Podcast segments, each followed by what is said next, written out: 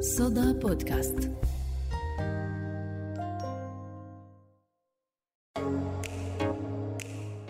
عمرك قبل ما تكبس كبسة ال share أو تعيد نشر صورة على صفحتك أو تعمل forward لخبر فكرت إنك تحولت لمرسل معلومات؟ يعني توفر عندك كل عناصر الاتصال رسالة ووسيلة وتحولت أنت من متلقي إلى مرسل وأكيد جمهورك أصحابك اللي بتبعت لهم المعلومات. وهون تبدأ المسؤولية أخلاقيا وقانونيا على كل شخص. مرحبا أنا عمر الترك. اليوم في برنامج فلتر بدنا نبحث عن شو هي المعايير الأخلاقية والقانونية اللي لازم نلتزم فيها لنقدر نحد من المعلومات المضللة.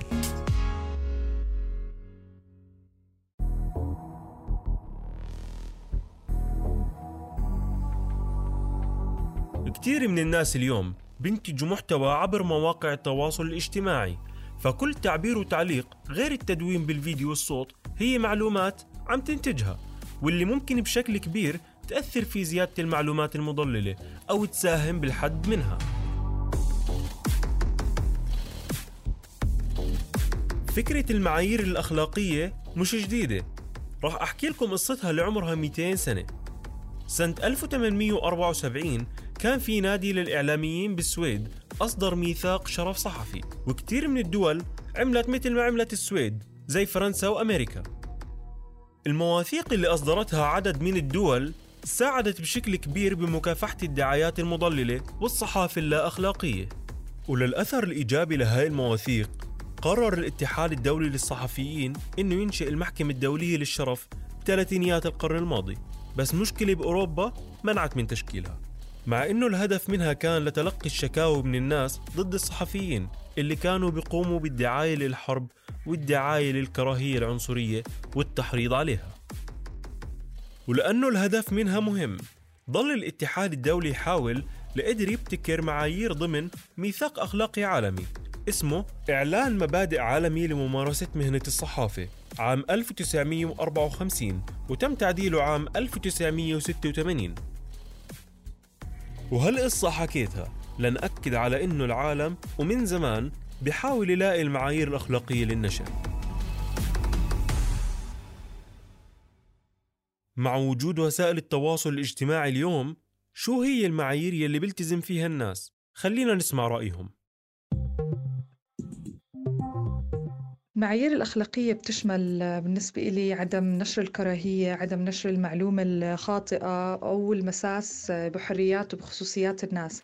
فأي محتوى بيحتوي على هاي الأشياء خصوصي هلأ بالوضع اللي إحنا فيه آه، ممكن يشجع على عنف ضد شخص إذا نشر هذا الفيديو مثلا آه، مخل بالآداب المجتمعية. بس مو من حقي إني أنا أشاركه ولا حتى إني أتفرج عليه لأنه غلط أصلا إنه طلع آه، أي معلومة كتابات أو فيديوهات مسجلة لمن يدعي الخبرة في مجالات صحية. بعتبر إنه كتير خطير إني أنا أنشرها وبكون عم بساهم آه، بإضرار الناس مش بمساعدتهم. شخصيا ما بحبش أنشر أو أشارك بأي شيء يعني أنا الصراحة مش كثير الأشياء اللي ما بنشرها بس بالعادة الأشياء مش إنه مش أخلاقية بس الأشياء اللي فيها دم وفيها جرائم مثلا وفيها أشياء سلبية كثير للأشخاص. ما بنشرها لأنه مش وقتها يعني والناس مش ناقصها أنا هيك بمنظوري وأي شيء بينافي الأشياء اللي أنا بعتقد فيها أو بآمن فيها ما بنشرها كمان. المواضيع اللي فيها تنمر آه، وتشجيع على الكراهية آه، بالتأكيد برفض أنشرها أو أعيد مشاركتها لأنها أبدا ما تتناسب مع المعاييري أي قضايا تثير فتنة في المجتمع زي أي قضايا دينية أو خلافات دينية ممكن تسبب مشاكل بناء على نشر الآراء الشخصية فيها. صراحة مش ممكن أعيد نشر أي شيء بخص الدين يعني أي شيء له علاقة بالأديان وهيك يعني مستحيل أعيد نشره. وإذا في شيء مكرر يعني عند خمسين ستين واحد بيكون آه، ناشرينه فبحكي ما في داعي أنشره. أي محتوى في تنمر بغض النظر عن نوعه أو في تمييز أو تحيز سواء كان تمييز عرقي أو جندري أو ديني هاي مواضيع بشكل أساسي يعني ما بقدر أشاركها. وبرضو أي معلومة مصدرها غير موثق برضو هاي ما بشارك. بتتمثل المعايير الأخلاقية اللي دائما بحاول أحرص عليها وقت ما أنشر أي محتوى على مواقع التواصل الاجتماعي من خلال إني أتحقق من دقة المعلومة وصحتها. وهالإشي بيكون من خلال إني أرجع على كل المصادر اللي جبت منها هاي المعلومة سواء خبر صحفي مقابلة أو مقالة. على الجهة الثانية كمان بحاول دائما أحرص على أنه المعلومة اللي أنا نشرتها ما تمس بخصوصية الأفراد وأرجع دائما إلهم وأسألهم قبل ما أنشر أي معلومة بتخصهم.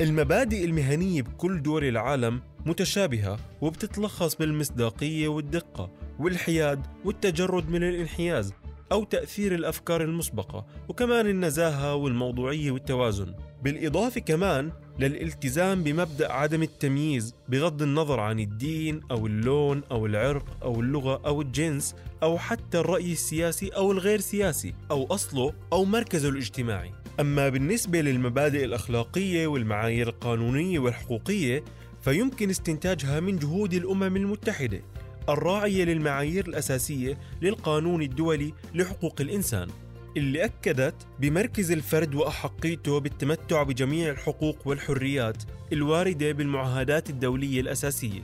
وبنفس الوقت المعايير بتحددها المسؤوليات والواجبات القانونية عند ممارسة الحق في حرية التعبير.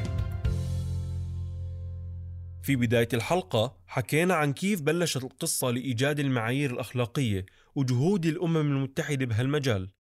بس بدنا نحكي أكثر عن الموضوع مع الخبير في قوانين الإعلام وأخلاقيات المهنة الأستاذ يحيى شقير. بالبداية خلينا نحكي عن المعايير الأخلاقية والتضليل الإعلامي. قبل أن نتحدث عن التضليل الإعلامي أرجو أن أوضح نص المادة 19 في الإعلان العالمي لحقوق الإنسان والمادة 19 في العهد الدولي للحقوق المدنية والسياسية والعهد الدولي للحقوق المدنية والسياسية هو اتفاقية دولية ملزمة للأردن. لأنه تم نشرها في الجريدة الرسمية بتاريخ 15 6 2006 تنص المادتان على أنه لكل إنسان الحق في التماس وتلقي وبث المعلومات والآراء. كلمة المعلومات هنا تعني الحقائق.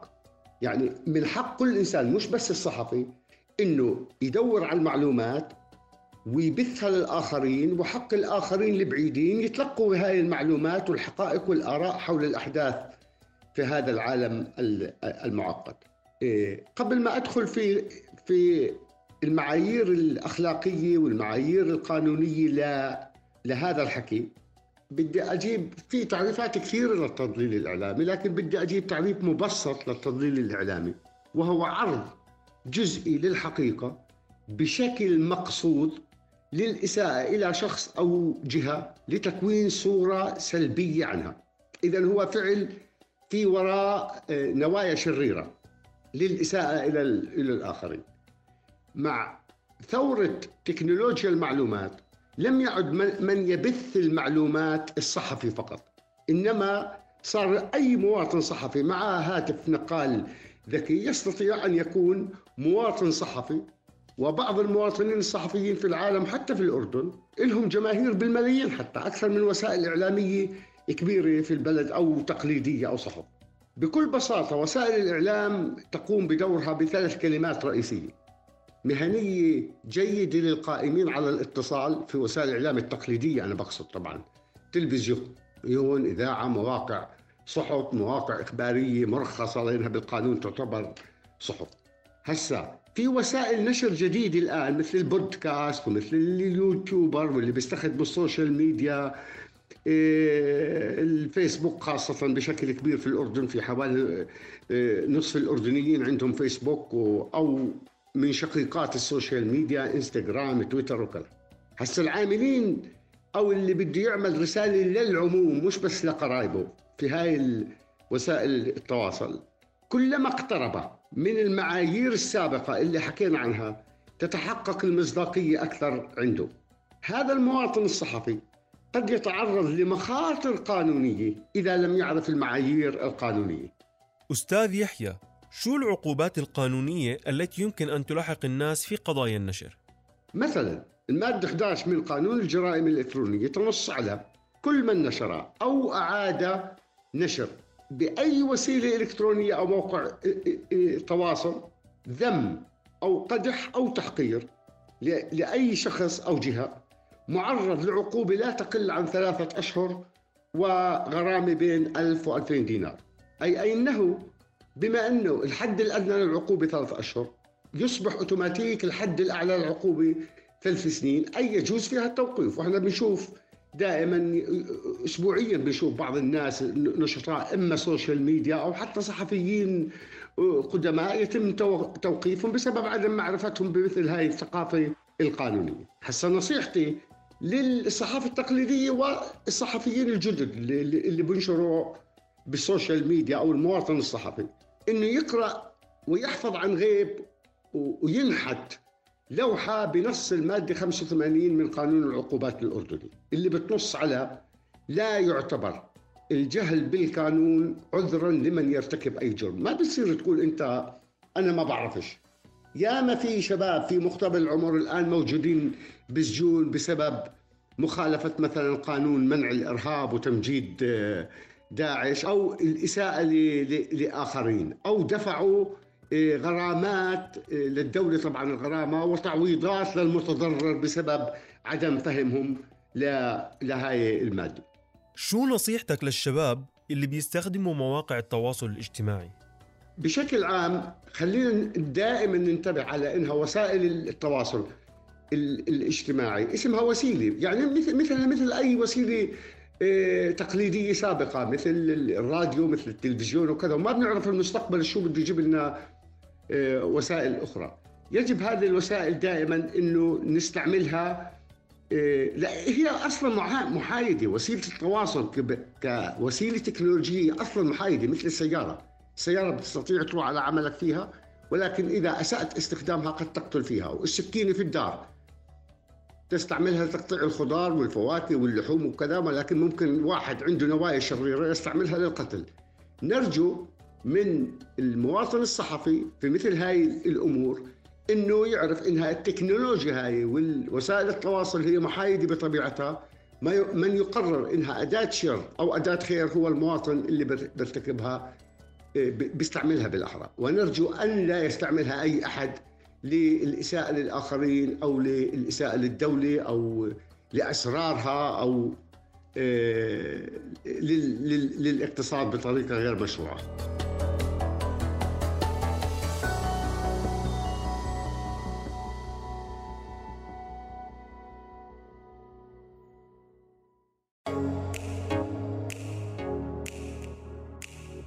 إحنا اليوم متحررين أكثر من أي وقت مضى.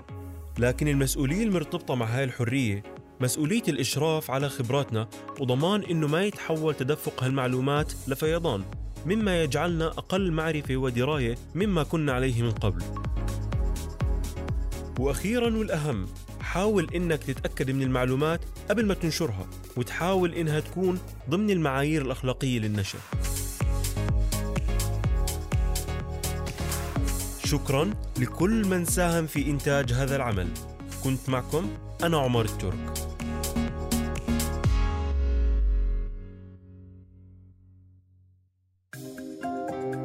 صدى بودكاست.